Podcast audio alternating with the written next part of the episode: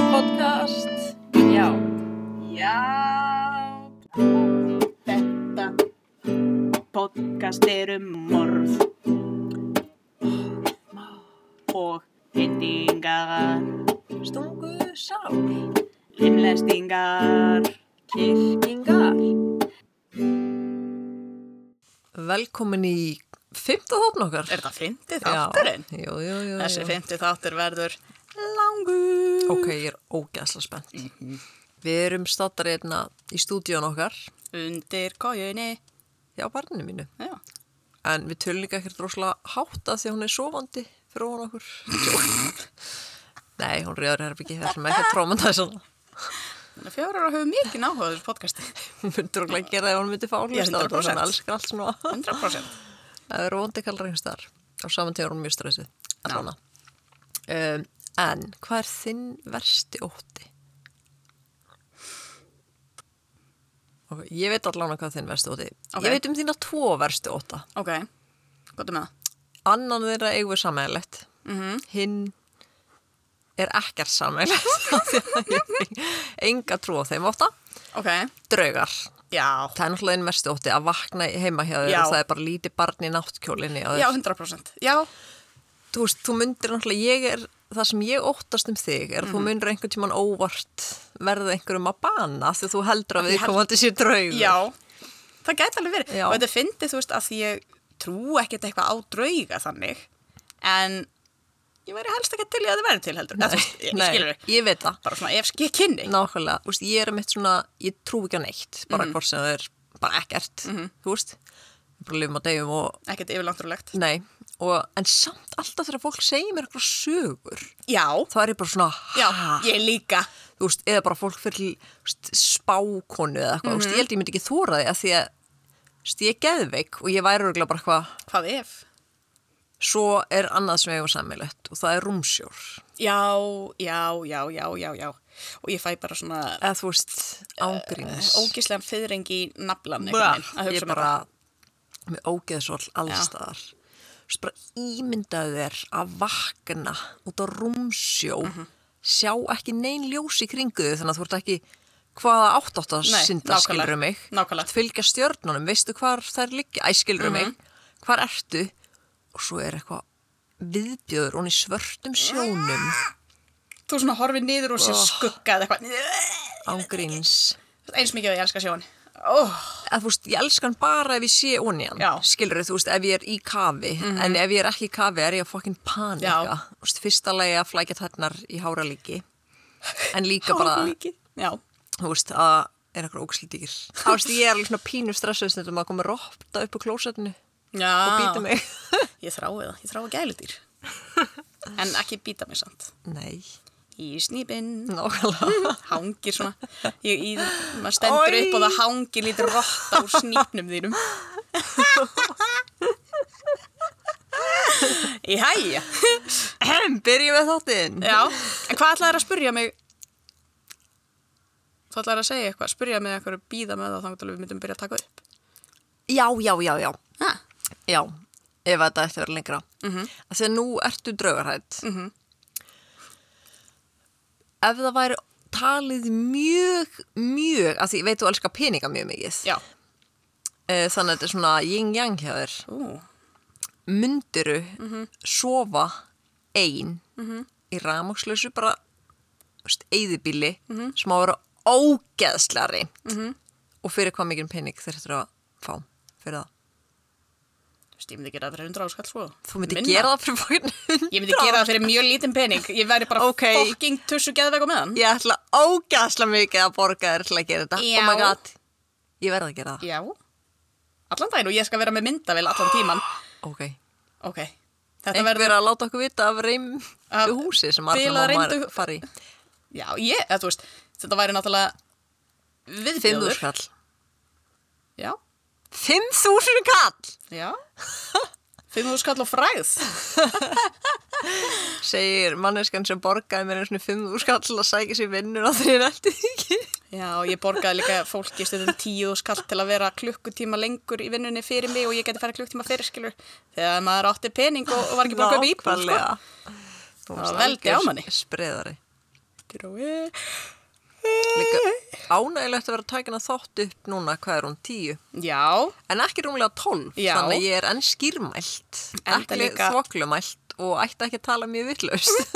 endalega þessi þáttur uh, verður Klukkari, Já, þó það? ok Á ég bara að byrja?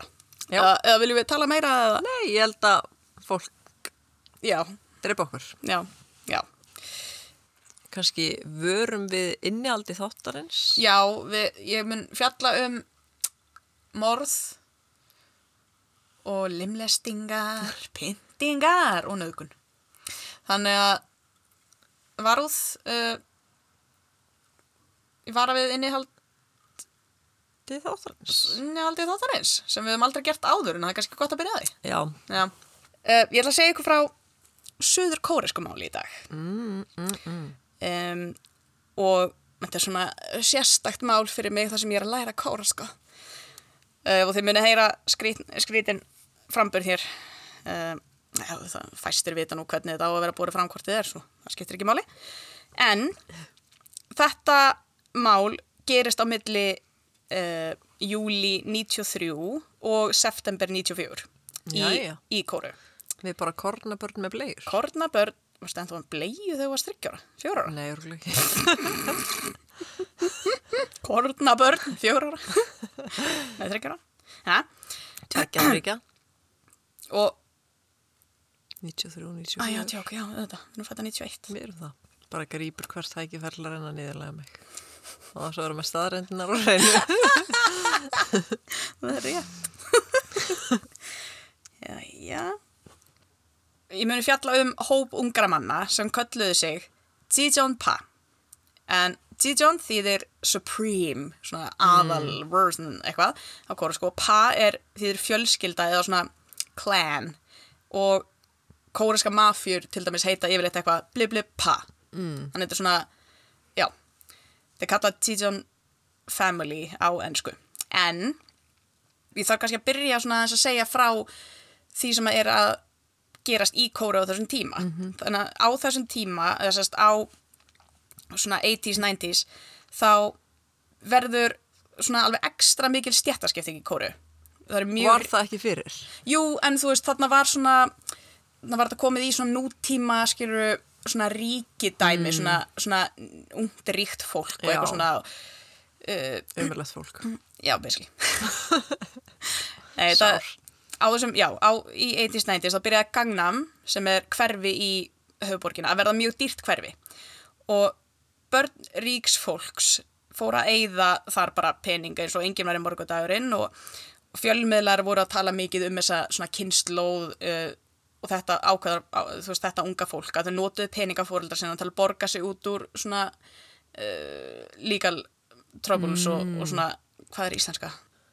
Já, bara við vorum einhverju vandraði gemlingar. Já Þau keira keirðu um í mjög, á mjög dýrum bílum og, og það var svona þetta var kallað þetta, þetta fólk var kallað jata uh, og það er sem sagt, vegna þess að þau voru að keira um í rosaflottum bílum og yfirleitt held ég kallmenn ungi menn og stoppa hjá konum á götunni og segja ja, ta sem er svona, hei, kottu, kottu inn, kottu í bílið minn, eitthvað.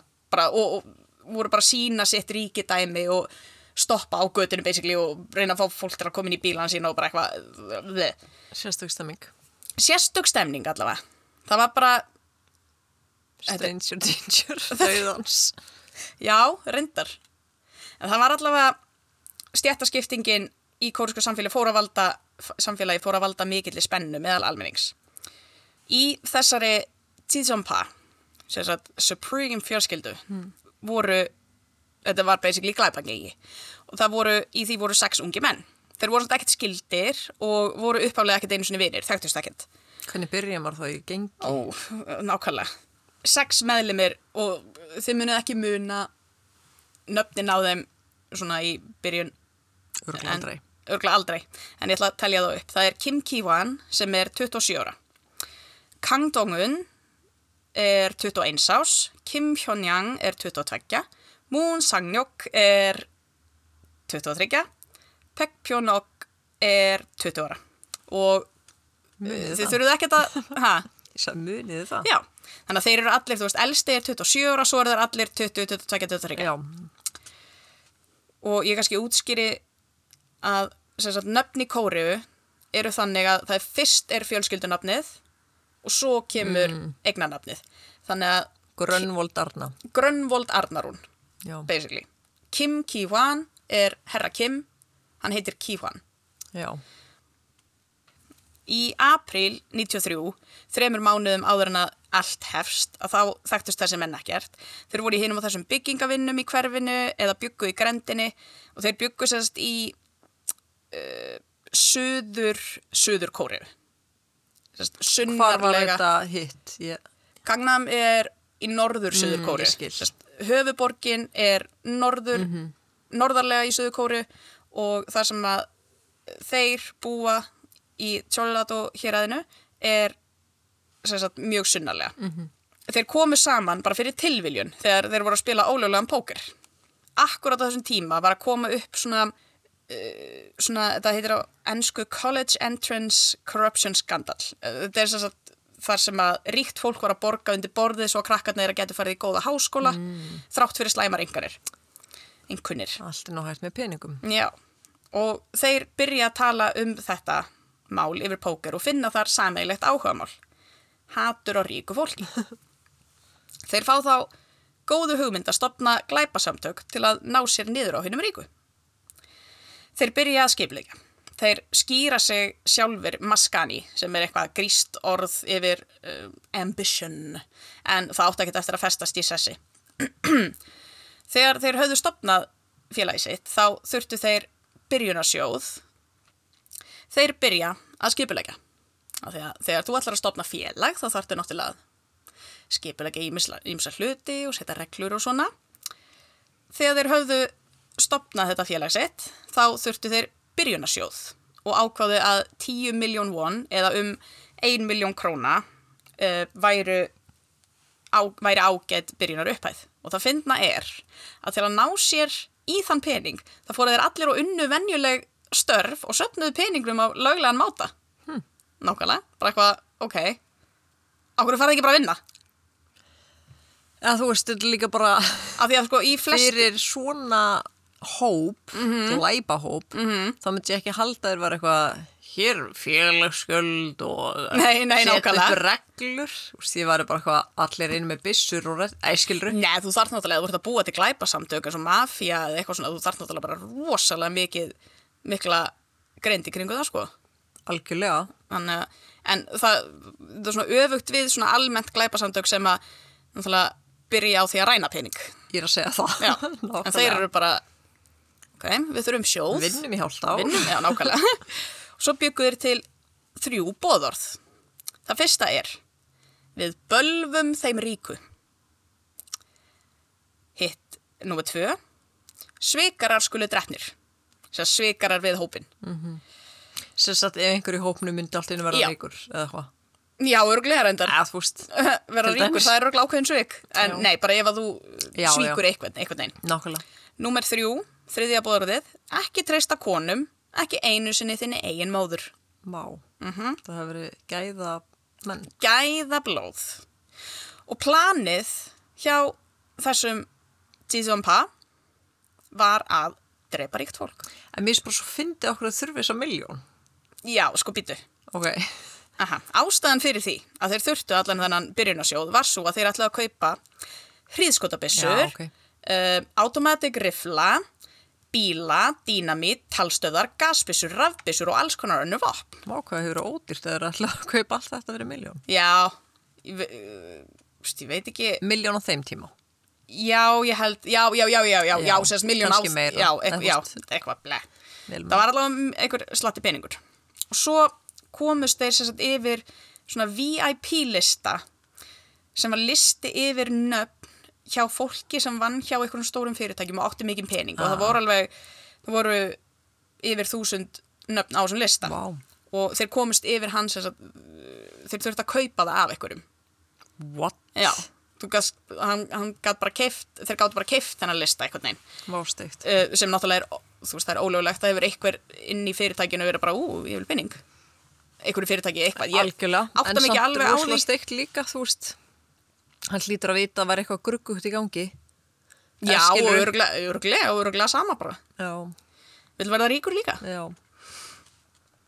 Það En- gerir maður ekki fyrir 5.000 kell ég er nákvæmlega, hætta lífið sér en ég ætla að segja ykkur aðeins fyrst frá honum Kim Ki-hwan eða leiðtóga Tijongpa Þessi elsti Þessi elsti, hann er Sko? elstur í Tijongpa, fættur 1968 í Tjólda héræði í söður söður kóru, mm. sunnalega, eða eh, alveg mjög sunnalega kóru. Hann var yngstur átta sískina og pappan stóð þegar hann var ungur. Hann hætti skóla um 12 ára aldur en áður en hann hætti þá var hann alltaf efstur í bekknum bara með bestu enganirnar, engunirnar, okkur er alltaf að segja enganir. Ég hata þetta orð, enganir. Eh? Og er sagður að hafa verið bara mjög gáfaður, vinnusamur, duglegur og lögkliðin, sem barn en hann var lélegur í að vinna með öðrum. Hann flutti til höfuborgarinnar, Sól, og vann þar í uh, líkamlega erfiðum byggingavinnum hér og þar og strögglaði og fekk nóg af því og flutti aftur í heimaborgina sína og ræktaði hjá sér mikið hatur til fólks sem þurfti ekki að ströggla til að lifa. En hættum þá í skóla af því að Hann hann var bara hætti bara- fátækur Já, já. skilurðu. Þurfti bara að vinna Já, og fóreldrarnir átti ekki efni á áframhaldandi skólagöngu En lík. sorglegt. Já, nákvæmlega. En ég held að þú veist, hann hefði alveg geta verið í skóla til 16 ára eða eitthvað svo Já, ég skil en bara ekki séð tilgangin í því, Já. kannski. En á þeim tíma sem hann var að alast upp kom út nokkra stórar kínveskar svona gangstermynd, kvikmyndir og Kim Ki-hwan var obsessed á þeim og dyrkaði karakterina í þessum myndum og byggði svona svolítið karakterinu sinn á þessu öllu í rauninni. Það er júli 1993. Núna eru þeir að skipulegja sitt fyrsta morð sem átt að vera svona æfingarmorð Þeir skipulöðu það nú ekki betur en það að þeir fara bara rúndin, sjá konu á lestastöð og ræninni. Konan hétt Te, eða þú veist það er fjölskyldurafnið hennar, var bóndadóttir og var ekkert rík. Og var planið er að þarna dreima eitthvað ríkan eða þeir voru bara að Nei, testa? þannig voru þeir bara Æfa. að æfa sig. Þeir keira með hana 12 km frá lestastöðinni að nálægu fjalli þar sem þeir byrja á því að hópunauðgani. Í. Mhm. Eftir það þá kirkir Kim Ki-hwan, sem sagt leiðtógin, hana og segir svo við hina, svona drepur mannesku. Þeir grófu lík tve við fjallið. Hvarf hennar varð að cold case, bara í rauninni þangað til að allt þetta kemur upp. En hún fannst hún samt? eða? Já, líkið fannst. Strax og var svo bara Nei. cold case? Nei, ég skil. Nei, hvarfið hennar var í rauninni Ég skil. cold case. Uh, Það er talað um að hópnöðgunin hafi verið framinn til þess að svona búa til eitthvað, eitthvað skona svona frændsemis bond. Új, Já. Og Kim Ki-hwan ætlaði með þessum orði að sína hvað hann var í mikill pro-killer en allir meðlumindir sögðu eftir á, sérst, alveg eftir á, að Já. fyrsta morði hafi verið fyrir eitthvað klunnalegt þannig að líklegt er að þetta hafi verið fyrsta morð Kim Ki-hwan. Þannig að hann var látast eins og var búin að dreifa Já, honum. í rauninni, hann var bara svolítið að sína sig fyrir nákvæmlega. þeim bara svona, svona gerir þetta sko og svona Í ágúst 93 þá er strákur að nafni Song Bong-un var, hann var í raun sjöundi meðlimur Tijompa en var það ekki lengi Hann var 18 ára en notaði skilriki bróðu síns og sagðist vera, og sagði þeim sem sagt að hann væri 23 ára og fekk þá stöðu og virðingu sem eldri meðlumur í genginu. Og það er mjög mikið, í kóreska samfélagi það er mjög mikið lagt upp úr svona aldurstengri Já. tengdri virðingu. Þú, skal bera, þú bara skalt bera virðingu fyrir þeim sem eru eldri en þú og hann hefur til dæmis, ef þú ert maður og ert að tala við mann sem er eldri en þú, þá kallar hann hjóng og þannig að þeir yngri meðleminir Já. hafa basically verið að kalla eitthvað sem er miklu yngri en þeir Já. hjóng. Já. Það eru svik. Það er ákveðin sveik en vegna aldurs síns þessa 23 ára aldurs var Song Bong-un fenginn til að sjá um bókaldið en það sem Song Bong-un gerir er að reyna að hlaupast á brott með part af byrjun- byrjunarsjóðunum sem Tijampa hafði nörlað saman Hinn er sex meðlimir Tijampa átta sig á að hann er flúinn en hafa uppi á honum þar sem hann er að fela sig heima hjá ættinga sínum Okay. Myndur ekki bara leita einhverja annar leiða heldur hann farin í gengi Já. sem drepur og nauðgar til að stela af Nákvæmlega. þeim pening nákvæmlega og ég er ekkit viss um að þeir, ég, það kemur í raun ekki fram hvort þeir hafi vitað að hann væri svo þú veist, þegar þeir ná honum þarna að hann væri í rauninni Yngri. svona ungur já, já, en uh, þeir finna hann hjá ættinga sínum og segja við hann bara svona hei, kottu út, þetta er allir lægur tölum bara saman, saman um þetta og hann fer með þeim en þeir hafa það alls ekki í huga að fyrirgjóðunum þeir fara með hann aftur að einhverju fjalli Það- þetta er mjög algengt í nú ef ég lesi um nokkur kórusmál og það er alltaf verið að fara með fólk upp að einhverjum fjöllum og grafaðu hjá um einhverjum við fjöllum erum aldrei að fara að labba upp á fjöll í kóru fjallganga er vinsælasta sportið í kóru. skrítið þú veist, Vinsælasta. ertu bara röltand á líkum þá Já, Svo erfitt að fela lík bara eitthvað, oh, annar gönguhópur Já, nákvæmlega. annar gönguhópur basically, þetta, það er bara virkilega bara vinsælasta shitið í kóru. En þeir fara með hann þarna að fjalli og með í för var hundur, veit ekki hvaða hundur eða hvers hundur en hund höfðu þeir með þess. Songbongun, ungi strákurinn, er stungin ítrekka með hníf og haka eða svona pickaxe. Mm. Og svo drápuður hundin og borðuðu hann allir saman. Ætli þeir hafa allir verið svona sjúkir eða voru eitthvað svona að reyna Ég- Hvernig já. vilja sex menn Mhm. Þetta verður bara nauðga, einhver geðbyrjum, drepa skilur. Já. og borða hund Akkurat, þú veist, þetta verður bara einhver svona hóp geðveiki. Sturlun, Já. já. eitthvað svona, ég, held ég sko. En voru En- þeir þarna líka í vennilegum jobbum, Nei, störfum nei, það verður örugglega bara mjög erfitt að vera Gera allt þetta og, en ég menna þú veist e, Jú, þarna, jú, jú, jú, jú, þarna eru þeir örglega ennþá bara að Já, vinna fyrir að sér, þeir venjulega eru ekki sko. enn búin að Já, Já, ok en svona um hunda átt í kóru, í dag eru um 85% manns í kóru mótfallið hunda átti, en það er enn stundað aðalega samt í sveitinni. Það fór ekki mikið fyrir hunda átti í sögu kóru þangað til Tjóson ættar veldist tímabilið hóst en það var frá árinu 1392 til 1910 og það er bara svona eitthvað Þá var verið að borða hunda þá í rauninni Hefsta sem sagt, Tjóson ríkistjórnin vildi takast á við vilda hundamálið í landinu. Mm. Sem sagt, bara hundar sem enginn á og fæðast viltir og eru viltir. Samt komnir af heimilisundum, þú veist, Já, eitthvað. nákvæmlega Hyrðingum frá Mongóliu sem hefðu flúið til Kóru um árið 1200 og voru basically bara í lægstu stjettinni í Kóru, mjög fátækt fólk, var falið það verkefni að eyða viltum hundum og þannig var til svo hefð hjá fátæku fólki að borða hundakjöt. Eða þú veist, hefð, fólk var bara að reyna Já. að lifa af. En Og- og... myndið þú borða hundakjöt? Já, já. Já þú veist, ég sé engan mun á Nei, hundakjöti ég og var einmitt, þú veist nautakjöti eða eitthvað svoleið, sko. Nei, hvernig er það ljóst eða dögt? Dögt held ég. Já, pá því, Já, já, já, já, það er það, já. láta oss missa þetta ekki. En ég held að svo hafi þetta bara orðið bara svona hefð líka eh, ákveðin hefð. Mhm. En sem sagt í sveitinni aðalega, og allavega á þessum tíma sem Tzitsompa er að vesanast, þarna 90 og eitthvað, þá var verið að, uh, þá var mikið verið að slátra hundum og aðal aðferðin, aðferðirnar við að slátra þeim var að berja það til dauða, Ói, gefa þeim raflost eða hengja þá. ói, Já. Og þeir sem sagt börðu hundin til dauða. Og prófessor sem talaði um þetta mál tilur að sálfræðina bak við þetta morð hafi verið að þegar þeir frömdu fyrsta morðið þá var ekkert blóð. Það var ekkert svona, já. þú veist, þeir kyrta hana bara. Þannig að nú þyrftu þeir að venja sig við blóð og ógeð til að þeir getur verið betur tilbúinir í næsta morð. já, En hann hafði, sem sagt, Kim Ki-hwan, leiðtógin, hafði staðið hjá og skipað hinum fyrir og þannig gert alla meðsega já, og þannig fest sig í raun enn meir í sessi sem leiðtói og hann virðist hafa verið bara mjög góður leiðtói af því að þeir gerðu gjörsanlega allt sem hann, sag, sem að- hann sagði þeim að gera en þegar lík songbongun fannst á endanum þá var það þá hefur þau bara grafið að 60 cm hún í jörðina oh my god. bara hvað er þið kannski var þeim bara alveg sama En þú veist, nú erum við bara latar. Já. Það myndum við nenn að grafa mikið fyrir heila mannesku. þeir eru sex Já, ok. þeir gætu tekið þetta í törnum sko en nei þeir voru örugglega bara gett sattir af því að Eða bara bara hund og eitthvað töldu þetta vera nóg, já eða það bara sem er mjög heimskulegt. Já. En þegar hér er komið við sögu, þá fannst uh, leiðtónum Kim Ki-hwan ekki passaðum lengur að vera höfuðstöðva lausir.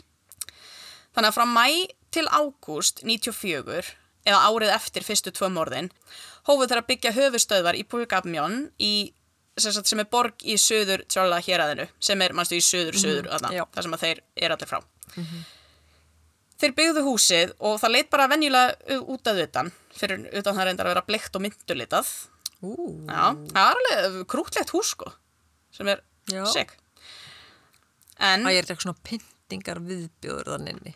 í, Æ, ég, ég sá hana svip. neða, þú veist, ok Ok, þú ert að Kannski ekki gilla alveg. mig Í svefn. þetta er ekki alveg, ok, Ok, í ok. húsinu bygguðu svo til geimslu fangaklefa og opn opn til að brenna lík en á meðan þessum byggingaframkvæmdu stóð þá var leiðtógin Kim Ki-hwan handtekinn og sagaður um að hafa nöðgað ungri stelpu sem hann gerði var dæmdur í fimmara fangelsi Já, já. Höfupörin. höfuð pörin Já, já. elsti og nú eru ákveðnir óvissu tímar fyrir Tíðjón Pa af því þeir eru leiðtóklausir og þegar svona hópur er leiðtóklaus er auðvelt fyrir hópin að týstrast eða bara svona go wild Eða geðsjúklingurinn tekur við völd. nákvæmlega eða einhver annar stíu upp sem leiðtói en þessi hópur hélt sér saman líklegast bara vegna leiðtóa hæfileika Kívan, Kim Kívan og nýju höfustöðvana og þeir eru búin að eh, leggja mikið á sig að byggja þetta hús og, og svo heimsóttuður Kim Kívan reglulega í fangelsi og fengu skipanir og leið, leiðbyrningar frá honum Mhm. Vá. Þriðja morðið sem þeir fremdu var það fyrsta sem var ekki æmingaglæpur eða refsing. Þetta var fyrsta morðið þar sem Jijong Pa fylgdu plönum sínum að myrða ríkt fólk. Já. 8. september 1994 klukkan er þrjú um nótt.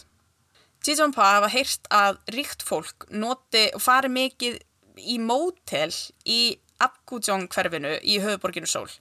Abgujong hverfið er bara svona mjög ríkt og flott hverfi Já. og það er mikið af eh, mótelum þar eða eitthvað. og- og- Sérstætt. Já, Þegar þú ert ríkur, ertu... ég held að þetta sé Er þetta ekki sko bara eitthvað svona love motel. klukkutími? Já, nákvæmlega. það er mjög mikið um það í kóru. Ég sá einmitt svolítið um það einmitt í Japan, þú veist. Ro- Já, líka þar, já, rosalega Já. mikið um það. Þannig að kannski það, en Mjög líklega. þeir keira, basically, þvert yfir landið sem tekur nú svo sem ekkert langan tíma, kannski fimm tíma eða eitthvað. Mm. Af því að þetta land þess að Suðurkóra er jafn stórt og Ísland. Já. Nefna hvað þar búa 56 miljónir. Mér leiði alltaf eins og það verið smerra. Nei, það er bara... Kannski bara með að landa voðalega- kortið. Já, já, já. Skilurðu það, formar mann upp. Mm. Það er bara mjög svipað í stærð. Bara, já. Þeir mæta í Abgujong hverfið á einum trukk og einum fólksbíl og litast um eftir flottum bílum á ferð. Af því að þarna var mikið, þú gast í rauninni svolítið spotta ríkt fólk á bílónu sem þau kerðu Já. og einn svona flottasti bílinn var frá Hyundai og hétt svona, hétt Grandeur eitthvað og þeir eru sérst þarna bara í Abgujong hverfinu að, að litast um eftir flottum bíl tónlistamæðurinn Lee 34 ára og hljómsveita meðlumur hans hún Lee 27 ára uh, þetta er mjög erfitt ég ætla að kalla hann tónlista Lee og hana Sujong minni mig að hún hafi actually heitið Sujong Já. hún var í sem sagt, tónlistamæðurinn Lee, 34 og ljónsetameðlumur hans hún Sujong, 27 ára eru að rúnta um á bíl tónlista Lee bílinn er flottur, þetta er Hyundai Grandeur sem var mjög flottur á þessum tíma Tijong Pa spotta flotta bílinn og veit honum eftirför og þeir enda á því að svona klemma bílinn þeirra á milli sinna takja bíla mm. og ná þannig að Ávegin. á veginum og ná þannig að hæja á þeim og færa sér svo þannig að þeir eru bæði fyrir framann og aftan þau og ná þannig að stöðva þau. Pæltu í því að lendi í svona. Nákvæmlega!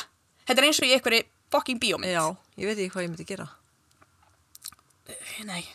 En þeir byrja að skjóta í áttina að þeim og ná þeim síðan úr bílinum og hefja bara að berja þau miskunalust með timbri. Þeir stunguðu eitthvað líka en ekki lífsættulega.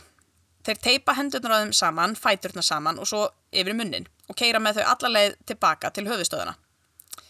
Þar eru þau lokuð í fangaklefanum og í kjölfarið hópnauðga þeir Í bara Sujong. Kvöldið næsta dag hóta Jijong Pa meðluminnir að drepa tónlista Lee nema hann borgiðin pening. En þegar Jijong Pa átt, áttuðu sig á því að tónlista Lee var bara að keira um á gömlum grandjór, væri ekkert ríkur og ætti enga peninga til að borga þeim. Það var bara basic óhefni að hann ætti svona bíl. Oh my god. Hann var bara, Wow. átti enga pening. Sæður stund. Staður og stund. Grei hún, verður akkurat að fara með honum. Akkurat. þeir áttuðu sig á því að hann væri ekkert ríkur og þá bara þvinguðu þeir áfengi onni hann, settu plastpoka yfir höfuð á honum og kýrtandi döiða. Og þeir neittu vinkonans, Sujong, til að taka þátt í að kirkjan. Ói. Já. Minnumst borðors þrjú, ekki treysta neittni konu, ekki einu sinni þinni eigin móður. Þannig að, sang... Hættu. Hvað? Ekki fara að drepa mömmu ykkur af þeim. Ha, Pítu, pítu, pítu. Nei, ok. Nei. Samkvæmt öllu eiga þeir nú að drepa Sujong. En þeir fara að rífast um hvort þeir eiga að drepa hann eða ekki. Og þú mannst að leiðtóin að er ennþá í fangelsi. Já. Þannig að Kim Hyun-yang, sem er 22 ára og er næstur í goggunaröðinni í rauninni, leggur til að þeir leifi henn að lifa. Og þeir gera það. Ekki halda þér henni fastri. Sleppa þér henni bara. Nei, þeir gera það ekki. Æi. En nú þurfa þeir að losa sig við líkið af tónlista Lee. Þeir ákveða að láta dauða hans líta út eins og bílslis. Þeir keira bílinn og líkið eitthvað, eitthvað að eitthvað hári brekku, setja tónlista Lee í, í bílstjórasæti og íta bílnum svo hann rennur niður brekkuna. Þeir höfðu náttúrulega látið hann drekka ótrúlega mikið Einmitt. af áfengi áður en þeir drápa hann, þannig að það er svona allir þeir að láta þetta líta út eins og hann hafi verið bara keir undir áhrifum og mistjórn á bílnum og þeir settu meira að segja svona bremsu fara á göduna, þú veist, efst Vá. í brekkunni já, Ok, þeir voru ekkert nei, hittlusir. en það var náttúrulega búið að stinga mannin og berja Já. hann og geða upp mikið en, En skárra en þann sem var í senasta þætti. Það var bara um pjúrleilugur morðingi. já, rosa, já, vá, já rosalega, Mhm. hann var ekki að plana Bara ekkert. ekki neitt, hann var ekki með startfí Nei. nei, en konan sem sagt, Sujong sem þeir voru með þarna sem gísl basically, var þarna með þeim allan tíman svo gefa þær henni róandi lif og nöðgan allir þetta er bara þú veist þetta er basically Greyið. engin góð menns já, nákvæmlega, þetta er bara Líka bara að vera föstanna, vera bara okkur, ok, þarf ég að þóla þetta í ákveðin tíma áður en þau drepa mig. já, Strepið akkurat, mig bara. dreipið mig bara einmitt en fjölskylda tónlista Lee tilkynir hvarf hans 11. september 94 stuttu síðar finna verkamenn grandur bílinn neðst í brekkunni Laureglan mætir á staðinn og vegna áfengislíktarinnar sem stafaði af Lee og bremsu farana efst á hæðinni og það sem einhver var stólið segir laureglan að þarna hafi augljóslega verið fullur maður að keira og misstjórna bílnum Búin að stinga sig allan. hún að stinga sig og allan berja sig. En auðvitað getur barsmiðarnar litið út fyrir að vera bara högg, skilur Uh, Ah. ekki. Eftir slís. allavega þrátt fyrir augljós ummerki um annað eins og stungusár og áverka vegna Já, já. barsmíða uh, þá, þá voru þau bara sles og lauruglu deildin þessi hefur verið mikið gaggrind fyrir þetta Já, að sjálfsögum. 13. september, eða 5 dögum eftir morðið á tónlistalí, þá fara þeir aftur á stjá og taka Sujong með sér, konuna. Þeir fara nú aftur í ferðalag, norður, nær höfuborginni, eða til borgar sem heitir Ulsan. Þar áttu sóhjónin heima og ráku versmið. Þau voru samt þarna á þessum degi í kirkjugarði að hreinsa leiði ættingja sinna vegna Tjúsok þakkagjörðarháttíðarinnar í kóru sem var á næsta leiti. Jizjón Pa spotta flottan bíl þeirra við örgulega bara uh, lagðan við kirkjugarðin. já. Æ, eitthvað heldra fólk. Og- Og að sapna alltaf æfi. Nei, þau eru reyndar 37 ára og 45 ára oh. eitthvað. Já. Okkur en, sá ég fyrir mig bara Ég- 70 okkar gammal fólk. Já, það hljóma líka þannig, sko. Já, Eitthvað, krútast að Já. reyta arfa og eitthvað. En þeir sem sagt fylgjast með bílnum bara og þegar þau fara aftur upp í bílinn og keira af stað, þá í rauninni fara þeir bara og gera nákvæmlega sama og þeir gerðu við hinn bílinn, að bara svona klemman á milli og, og þau sem sagt ræna, þeir ræna hjónunum og fara með þau í höfustöðarnar og loka þau í fangaklefanum. Þá heimtaði lausnafíu upp á cirka 13 miljónir íslenska króna. Herra Só, og ég ætla að kalla þau bara Herra Só og Frú Só.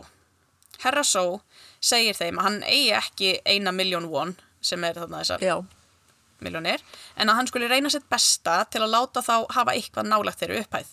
Herra Só skrifaði Jijong Pa þryggjablað sína bref úr fangaklefanum eh, og byður Jijong Pa að hlýfa koninu sinna og börnum. Þú veist, Þau voru ekki með, þau voru ekki með börnin þarna en þeirra Já. voru bara verið að hóta því að gera eitthvað við þau. Var þetta ekki konan sem var með honum þar? Jú, jú, jú, koninu Já, var svo með honum, ég skil. en ekki börnin. Já, En hann vildi bara að þeir myndu náttúrulega hlýfa henni líka. nákvæmlega. Ok, ég myndi samt aldrei láta einhverja sem eru búin að vera ræna mér vita ég eftir börn eða Sigur- skilur nei. það er alveg ákveðin áhætta líka skilur Já, kannski hann væri bara píntað út úr þeim eða eitthvað Já. Þetta ekki Hann segir í þessu brefi hvað hann vinnur við að hann eigi verksmiðju og gefur þeim heimilisfangið og teiknar með þess að kortaði hvar verksmiðan er Hann segir að þetta sé stórt fyrirtæki og það hefur verið mjög erfitt að byrja að sjá gróða en hann tókuð fyrirtækinu af ættinga Hann sagði þó að, að þó hann reki sitt eigi fyrirtæki þá sé hann ekki efnaður maður Hann var bara þarna að reyna bara svona á startningu bara hjálp eða Já. þú veist, ég á Einmitt. engan pening það hefur Nákvæmlega. ekkert að segja en hann lofar þeim í þessu brefi að fyrirtæki muni stækka og lofar þeim að eftir að þeir hafa fengið lausnagjaldspeningin sem að þeir eru að byggjum já. að hann muni halda áfram að halda þeim uppi já, ok hann lofar að Snjall. hringja já, í rauninni hann, lo, lo, lo, Lililili. Lililili. hann lofar að hringja ekki lögguna og byður bara um vægð fyrir fjölskyldunum sína hann reyndi líka svona að tengja hans við gengið með því að segja þeim að hann hafi þurft að stela úr búðum þegar hann var ungur Já. að því fjölskyldan Oh hans my var God, svo hann er fátæk klár. en En Jitsun ég Pá er skil ekki alveg hvað bref til höfupörsins Já, nei, bara til, þú þú veist veist, hann, hann hefur, það hefur kannski bara verið Blað og blíjantur blað og blíjandur í fangaklefunum Ég skil. eða eitthvað, ég veit ekki okkur eða þeir hafa látið hann hafa það eða eitthvað til að teikna kort eða eitthvað, ég veit það ekki Já. og hann hefur bara nýtt það til þess að skrifa bref Tíðsvon Pæði eru bara, nei, peningatak Ok, 14. september ringir Herra Só í vini og vinnufélaga og segir þeim að hann hefur lent í slisi og hann þurfi pening strax Hann byður eitt vinnufélaga sinn eða starfsmann sinn að koma með allan pening sem hann getur fundið til og hitta sig á rútustöði í Kvangtjú í Kvangtjú Kvangtjú Nei, nei, það er allum svo já, það er öllum sama sem er nálægt höfustöðunum en er basically hinum einn á landinu við þar sem hjónin búa og þar sem versmiðan er og þar þaðan sem þessi vinnumæður er að koma frá Þessi vinnufélagi kemur allar leið söður með stóran hluta af lausnafínu eða 10,5 miljón Úsla skrít, bara hvað ég var í slisi hittum á rútustu Mhm. Nákvæmlega. Með skjálatösku full á pening og allt í lægi með, nei, djók, það er náttúrulega búið að berja nú eitthvað Já, Já. Jijong Pa og Herra Só fara þá á rútustöðinni og þau, höf, og þau höfðu tekið frú Só með líka, bara sem Já. gísl. Örgulega bara, ef þú ætlar að gera eitthvað, segja honum eitthvað, þá dreipuðu konuna. þeirra. nákvæmlega Herra Só næri peningana og lætur Jijong Pa fá þá, en þeir virtu aldeilis ekki dílinn sinn og fóru bara með þau aftur í klefan, í höfustöðurum. 15. september, daginn eftir, sem sagt, ákveða Jijong Pa að drepa Herra Só án þess samt að meiðan því að hann létt þá fá pening. Jæja, Þeir létu greið konuna Sujong koma inn í herbergi. Eitthvað herbergi að það. Og þar lágu hjónin áfengisdauð því að áfengi hefði verið neitt ofan- ofan í þau eins og Jisung Pa hefði gert áður. já, Þeir segja við hana, Sujong, bara, þú verður að drepa þau. Taktu í gikkin, láta hann hafa byssu, taktu í sorry, er gikkin. það tónlistakjalan? Já, Já, nei, þetta meikar alveg sens Ok. Tónlistakjalan er að koma að drepa þau já. Eðast, já, Já. Mm, þvinguðu það Þeir segja við hana, þú verður að drepa þau, taktu í gikkin, þetta er þitt seinasta test. Gefðu okkur tröstitt. uh, myndi beina byssuna sjálf að mér Já, heila. Hún hikaði mjög lengi og skaut en hitt ekki. Og þá kom Hjón Yang, sem sagt, sá sem var næstur í gókanaröðinni, sem er svolítið svona lítirinn já, uh, núna fyrir utan Kiwan sem er í fangelsi. Hann kemur og setur hendina sína yfir hendi hennar, fingurinn á gikkin og skaut. já, þannig að hann gerir Algjörlega. hana með seg að þarna líka eða, þú veist, svo drepa þeir frúsá með hníf á exi og svo sundubúta þeir lík frúsá niður í þeim tilgangi að gera snacks Oj. úr henni. þeir gera það og borða þeir neyða Grey Sujong tónlistakonuna til að borða ráa lifur frúsá Oj. Mm. svo brenn, eldu þetta, jésús Já, nákvæmlega. Svo brenna þeir líkin í opninum á svæðinu og til að fela lyktina af brennandi líkum þá grilluðu þeir svínakjöt fyrir utan og buðu meiri segja nágrunum í parti. oh my Og það kom alveg einhverjir. snjallir Mjög. Kim Hyun-yang sem er næsti lítarinn þetta var að öllum líkindum smá svona skotin í Sujong sem er tónlista já, tónlista Sujong og það var náttúrulega hann sem stakk upp á því að þeir skildu þyrma lífinar 16. september, daginn eftir að sóhjónin voru myrt og brend, þá voru Jijun Pa að æfa sig að kasta dínamíti. Kim Hyun-yang, sá sem var næstur í gókunaröðinu, brennist eitthvað. Nálegasti spítalinn er Rauðakross spítali í Yonggwangun. Yonggwangun, sem er bara þarna nálægt. Hyun-yang heldur af stað á spítalan og tekur Soo-jung tónlistakonuna með sér. Hyun-yang hafði gefið tónlistakonunni Soo-jung GSM-síma, eða ekki gefið henni, það heldur láta Já. henni að hafa síma og 50.000 won eða þú veist, svona 70 skall af einhverjum, þú veist það vissi, veit í rauninni enginn af Hvað er hverju hún búin að vera þarna lengi hjá þeim? þannig tvær er hún bara að vikur eða vera í nei, nei, nei, bara uh, fimm daga eða eitthvað Já, ok, vá. þú veist, þeim já, hún er bara Hvað örfáa ætli daga. maður sé lengi að fá Svona Stockholm syndrom? Stockholm-syndrom? Eða þú veist, Veit hvað það ætli sé stiðst í tíminn, skilru? Ég veit það ekki, það er áhugaverð spurning Náttúrulega ekki ef einhverju er bara eitthvað ídreif allir fjölskyldina en ef á kemur, skilru, Nei, ég já, er að tala nei, um nei, nei. akkurat hins einn, bara þú veist, þér er frálst að fara þannig séð. já, ég veit það ekki allavega ekki svona stuttutími Nei, þessi GSM-sími og mér, ég var bara GSM-símar 93 fjögur og það voru bara Örugglega fokkin frekar GSM-símar til rúklega svona stóri. ekkert eitthvað geðveikt stór sko Aha, nei, það voru eiginlega bara, bara, fló- bara fínir bara svona, voru þeir ekki að koma í kringum, þú veist, 98, 9 hingað, svona þannig séð. ég veit það ekki Þú veist, ég fæ minn allavega fyrsta 2004, já, ég líka, held ég fyrsti litaskjársýminn, úa, úa, ó, Nokia. Nokia 3310 þú veist, næsta típa sem á mig Já. lit, skilru.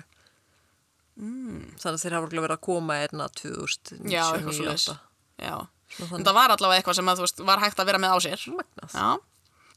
En þessi GSM-sími er sem sagt skráður á nafn eins meðlima, ein- eins meðlims Jijongpa eða Kang Dong-un.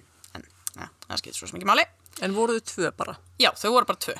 En á meðan verið er að gera að sárum Hyunjang, þá notar tónlistakonan Soo Jung tækifærið og flýr. Ok.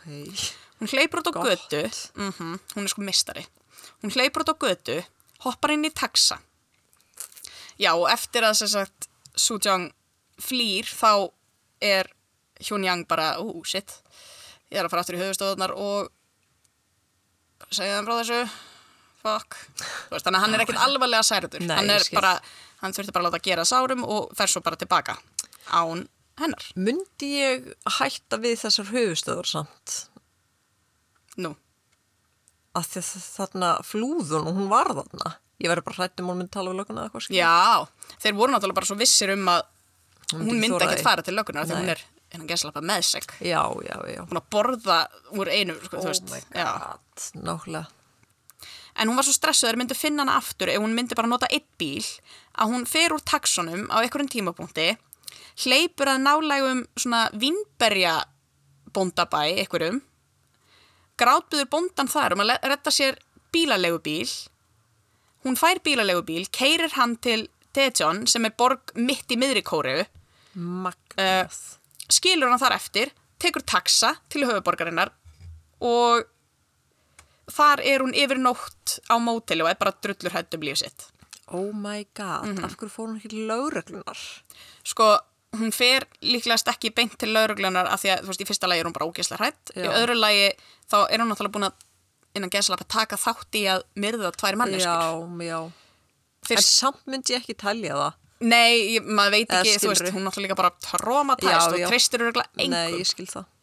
en hún ringir svo í náinn vinsinn sem ringir, ringir beint til laurugluna hún basically ferðast yfir allt landið bara eitthvað Shit. til þess að komast burt og er bara ógisla klár Nákvæmlega. um, en henni var ekki alveg trúað fyrst þegar hún sagði lauruglu hvað hefði gerst það var í raun einn rannsóklu lauruglumadur lauruglumadur sem trúði henni og hann lék líki hlutverki í að opna þess annarsókn Ok. Hann hafði þá frétt af hvarfi só hjónana. 17. september, eða daginn eftir að tólistakonan Soo Jong næra flýja, fara nýju rannsöklu Bronsglur. rannsóknalörglu þjónar rannsóknalörglu þjónar sérst af staðnum þar sem að bíllinn hans tónlistalí hafði fundist það niður í brekkunni. Eftir að hafa skoðað það mál betur þá komist þeir að því að þetta hefði nú ekki verið slís. Ha? 18. september nota þeir til þess að fylgjast leilin, leynilega með höfustöðunum. Ok. Mm -hmm. Þú ert að sína mér þetta hús svo. Já, það er mjög krútlegt. Já, ég sé þetta alveg fyrir mér. 19. september fer einn meðlimanna, eða Kang Dong-un, í bíltúr á trukknum til að kaupa sér morgumat. Hann er handtekinn. Þá þarf löggan að finna leið til að lokka restina af Jijongpa út úr höfustöðunum því að þeir vissu út af Sujong, konunni, að þeir væri bara með risa vopnasamn Einmitt. tilbúið. Þeir bregða á það ráð að ringja í GSM-síma ykkvers úr Jijongpa og þykjast vera spítalinn og segja í síman að Kang Dong-un, eða sá sem þeir voru að handtaka, hafi lent í hræðilegu bílslisi og þá þurfi ykkur að koma og gera kröfu til peningana sem hann hafði á sér sem og pappirana fyrir trökkin. Og þeir náttúrulega bara, ú, Allir. peningar! Þannig að klukkan nýju þannig að morgun mæta Kim Hyun-yang og Moon Sang-ryuk á lauruglustöðina í Púlga. Þeir eru handteknir. Nákvæmlega. Dæin sem hún kvarf, eða sem sagt sem að Sujong flýr þarna frá spítalanum, Já. þá koma þeir sér fyrir leynilega fyrir utan nálegustu lauruglustöðina og vöktuðu þá stöð í bara þrjá sólarhinga. Mm. Þannig að ef að Sujong konan hefði farið beint á lauruglustöðina þá hefðu þeir tekið eftir því og náða að flýja, skilur, náða að koma sér Já. burt úr höfustöðunum af því þá hefðu verið bara, ó shit, hún er að segja frá öllu, þeir munu koma Einmitt. brátt. En þar sem hún var bara meistari með útsjóna semina á háustígi, Einmitt. að það fór hún bara frekar þvert yfir landið og með Ok. því bara er klárlega manneskan sem var til þess að þeir náðu ekki að framfylgja uh, þessu drepa allar ríka Nákvæmlega. dæmi. Voru náttúrulega ekki búin að ná að drepa neitt ríkan þannig. Ekki neitt. Engan. Þeir eru- Nei. þeir eru hörmulegir. Já. En í þætti sem ég horfið á um það, þá þar sem að kemur prófessor og talar svona uh, glæpa prófessor eitthver, þá eru þau að velta því fyrir sér af hverju Hjón Yang hefði gefið koninni hennar síma og hennar pening. Einmitt. En hann heldur að Hjón Yang hafi ákveðið að treysta þessari konu, hann hefði víst verið að láta svona við hana eins og, hún- eins og þau væru kærustu parað eitthvað. Þú veist náttúrulega búin að hópnöðgani Einmitt. nokkur sinnum og, þú veist, Fyrsta. og hann held hann geti bara hunsað reglu þrjú, ekki treysta konum. Já. En Fekk það í He bækið. was right. Don't trust us. Lörgla byður þá um meira backup til að ráðast inn í höfustöðunar af því að þeir vita af tveimur meðlumum eftir í húsinu. Þeir ráðast inn í höfustöðunar og handtaka þar Kang Moonsop og Pak- Pak- Pak Pyongok. Lörglan hefur fengið mikla gaggrinni á sig fyrir hvernig þeir huguðu rannsóknmálsins og handtökunum því að það var bara í rauninni fyrir hefni að enginn hafi dáið því að það var ógeðslega illa planað Ok. í rauninni. Eh, Þeir hefðu bara átt í rauninni að óska eftir aðstóð hersins Einmitt. af því þeir voru bara með Endalist á opnum. hervopnaðna. Nákvæmlega. Sprengjur og hvað ekki? Já, það sem fannst í höfuðstöðunum var þessi VIP-listi með öllu þessu ríka fólki sem er alltaf að drepa, loftrifill, rafstuðskilva, teyser, stórt hersverð, fullt af hnífum, dulbúnum sem göngustafir, Og það ekki ekki. uh Eh, fullt af alls konar límbandi, 70 mismunandi hlutir, basically, 17 af þeim Vá. voru vopn og svo fundust uh, 3000, nei, 350.000 von eða 35.000 dalir í reyðufjö. Og þeir Samt voru þeir bara að nota trí til að lemja fólk til í döða. nákvæmlega. Þeir ná- Nýtið eitthvað þessu sem Já, einmitt. er unnið fyrir. Einmitt. Það var mikið fjölmiðla fár í kringum Tsitsjónpa eftir að þeir náðust og á myndum og myndböndum sem að eru tekin af fréttamiðlum eru þeir bara ótrúlega hrókafullir og stoltir af sjálfur sér og bara brosandi og eitthvað sem reytti almenning til reyðis. Spurðir af hverju þeir keftu svona mikið af dínamíti þá svöruðu þeir að það væri til þess að hefna sín á lauruglustöðinni sem hafði fangjast að leiðtóa þeirra, Kim Ki-hwan. Já. Þeir ætlaði að brjótast inn á lauruglustöðina og stela öllum vopnunum sem þeir myndu finna þar og nota þau vopn til að taka yfir sjónvarstöð og þannig ætlaði þeir að láta heiminn vita af sér. Bara hvað, í hvaða fokkin bíómynd? Búið þið? Nákvæmlega. Húsi sem þeir byggðu uh, var í fjölmiðlum og bara af öllum kallað Sarin Gongchang eða Murder Factory. Rannsókn málsins eins og ég sagði hefur verið harkalega gaggrind og af góðri ástöð, til dæmis. Þegar Herra Só hitti vinnufélaga sinn sem leta hann hafa peningana, þá hafði Herra Só kvíslað á honum, mér var rænt, ég get ekki sagt mikið meira. Sá maður ringir strax í laurugluna í Úlsan eða borginni, í borginni þar sem hjónin eru. En hún var sagt að það væri ekkert hægt að gera því að hann væri að tilkynna þetta úr öðru héraði. Hann var þarna ennþá nálagt höfðustöðunum. Og þegar maðurinn ringdi í lögguna í réttu héraði, sem sagt héraðinu sem hann var í, þá sakaði lauruglan hann og hjónin um að búa þessa sögu til því að verksmiðan væri, verksmiðinu væri ekki að ganga vel og hann ringir aftur þangað til að tekka á stöðunni Já. bara uh, ætlaði að gera eitthvað og þá var hann spurður hvar hittust þið til að skiptast á þessum peningum og hann bara uh, á Gwangju rútustöðinni sem er sem sagt, nálægt höfustöðunum en ekki í sama þú veist, ekki í sömu lauruglu stöð þá voru þau bara, að já, heyrðu, þú þarf að ringja á Gwangju stöðina Oh my lord. Já. Hann gerir það og það reynir löggan ekki einu svona að rannsaka þetta. Eða þú veist, jú, en það sem þeir rannsökuðu var hvort versmiðan væri að standa undir sér og ákvaðu þetta væri bara lega segja til að redda sér út úr einhverjum peningavandamálum. Jésús. Mhm. Hefði getað berga lífið. Þarna hefur þeir Tveim getað bjarga lífi. Svo er eitthvað, það er eitthvað myndband þar sem að þeir voru búinir að færa uh, Kim Hyun-yang sem að var þarna nummer tvö í rauðinni lítir. Já. færa hann aftur sko að höfustöðunum til þess að búa til svona frétta dæmi þannig að hann stendur þar á, á tröppunum fyrir utan húsið og svo eru bara fjölminnar í kringum hann Basically það sem hann vill örgulega. nákvæmlega og hann er bara þarna í handjárnum og eitthvað og hann er að tala og hann segir I I killed the wrong people instead of the ones I should have killed I deeply regret not killing those I set out to kill Yeah.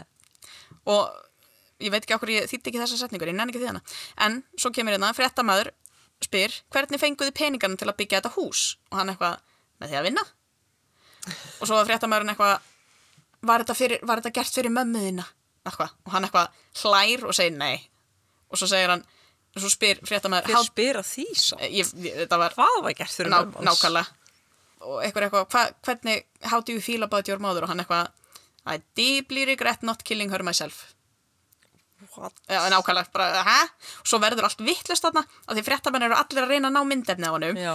og þeir fara svona allir að rífa sín á milli og svo, svo heyrist Hjón Jang segja eitthvað, takk fyrir að trýta mig eins og human being en svo segir hann eitthvað I am not human, I ate the flesh alone og hann er spurður, why did you eat it? og hann eitthvað, to give up my humanity og hann er spurður, who did you want to kill? og hann segir, rich snobs og svo bara svona Sem hann draf ekki einu sinni. Nei, ekkert. Engan. Mm. Engan ríkan. Þeir eru hálfvitar. Þetta er rosalega vel margt skiplegt Já. og margt rosalega heimskulegt. Nefnilega, þetta er nefnilega margt vel Fljókvarni að úthugsað. velja fórnalum, Já, skilru, og svona, svona haldandi að þeir séu í kvikmynd, sko. mitt. En samt einmitt búinir að byggja heilt fokking hús. Nákvæmlega. Safna pening, Nákvæmlega. vinna og safna pening og Vástygt. samkað sér öllum þessum vopnum. En Kim Ki-hwan, sem var aðaleiðtóin, var náttúrulega í fangelsi þegar morð 3, 4 og 5 voru framinn fyrir þessa, og hann var náttúrulega í fangelsi fyrir þessa nöðgun. En þegar hann frétti af handtökum meðlumann sinna, þá saði löggan að hann hafi sagst, að sagst bara vera mjög stoltur af bræðurum sínum. Þeir bara gerðu sitt besta. Jésús. og eftir að, eftir að þeir voru allir handteknir þá voru þeir allir kerðir fyrir morð uh, tilraun til morðs þjófnað og að búta niður lík Ekki nöðganuna. nei það var röglega bara ekki hægt að sanna það eitthvað eftir aðeins 25 daga í fangelsi þá voru þeir allir dæmdið til döða Já. líka leiðtógin Kim Ki-hwan þó hann hafði setið í fangelsi meiri partin af tímanum sem að Jisung Pa voru að myrða en bara því að hann var að gefa þeim skipanir úr Hún fangelsi var draf hérna tvo. 100% og drepa drepa, já drepa eina mannesku og láta drepa aðra Mhm. hún drepa hund Kim Kjúan sagði bara frá öllu þegar hann var spurður út í Tsitsumpa, játaði allt sem hann og hinnir höfðu gert og sagði bara I have no thought and no regret.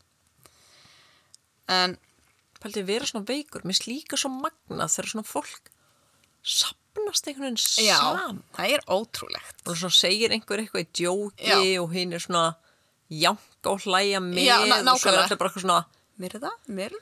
Já. Já, já, ég er líka búin að vera hugsaði lengi myrða. Þetta er bara Og það er saman. líka bara eitthvað allir sex og einu Akkurat. pókerborðið, þú veist, sem eru nýjá. Þú Þetta er veist, líka bara eins og þegar, þú veist, einhverjir sem að þekk, já, þú veist, einhverjir sem að svona uppgöta að, þú veist, þeir eru báði barnanýðingar eða eitthvað Já, og, og einmitt. byrjar bara svona, hvernig kemur þetta upp í samræðum? skilur það Nei, ekki. ég hef aldrei held ég átt samræður við neina mannesku þar sem ég hefði getað komið staði að þessi manneska veri barnan í því hún væri að reyna að segja mér það. Þú veist, Nákvæmlega. Maður skilur þetta ekki. Hvernig tekur bara þessa áhættu sem, þú veist, ég veit það ekki, Nákvæmlega, sem ógeð. sem ógeð? En uh, það var sko, ég veit ekki hvort ég tróði sextarinn, en Kim Ki-hwan Kim Ki sagði að þegar hann var í leikskóla þá hafði listakennarinn skammaðan fyrir að hafa ekki efni á vakslitum til að nota í tímanum. Új.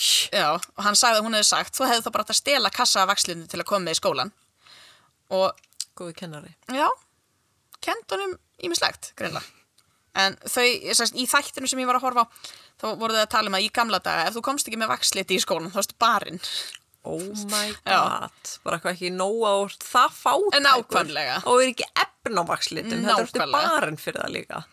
og Hér mér. já, og Kim Ki-wan sagði að það hefði verið gert við hann en einn dag þá hafði hann stóli vakslitum af bekkja sískinu sínu og þá hættu bara smiðarnar þannig við bara átt að segja á því þarna ef þú vilt eitthvað, þá nærðu bara í það, sama hvað og einn þeirra þarna í þáttunum sagðist vera jafn gamall, sirka og Kim Ki-wan og sagði að þegar hann var í skóla þá var alveg einn þriðja bekknum sem átti ekki efni á vakslitum Oj. en ekkert að þeim eruðu fjöldaborðingar Nei. þannig að, Já. Ógeðslega framkoma. já, Já, já hann er nú það. þetta var stittra en ég bjóst við Þetta var skemmtilegt. já, klukkutíma og kortir Takk fyrir. Það er alltaf næst.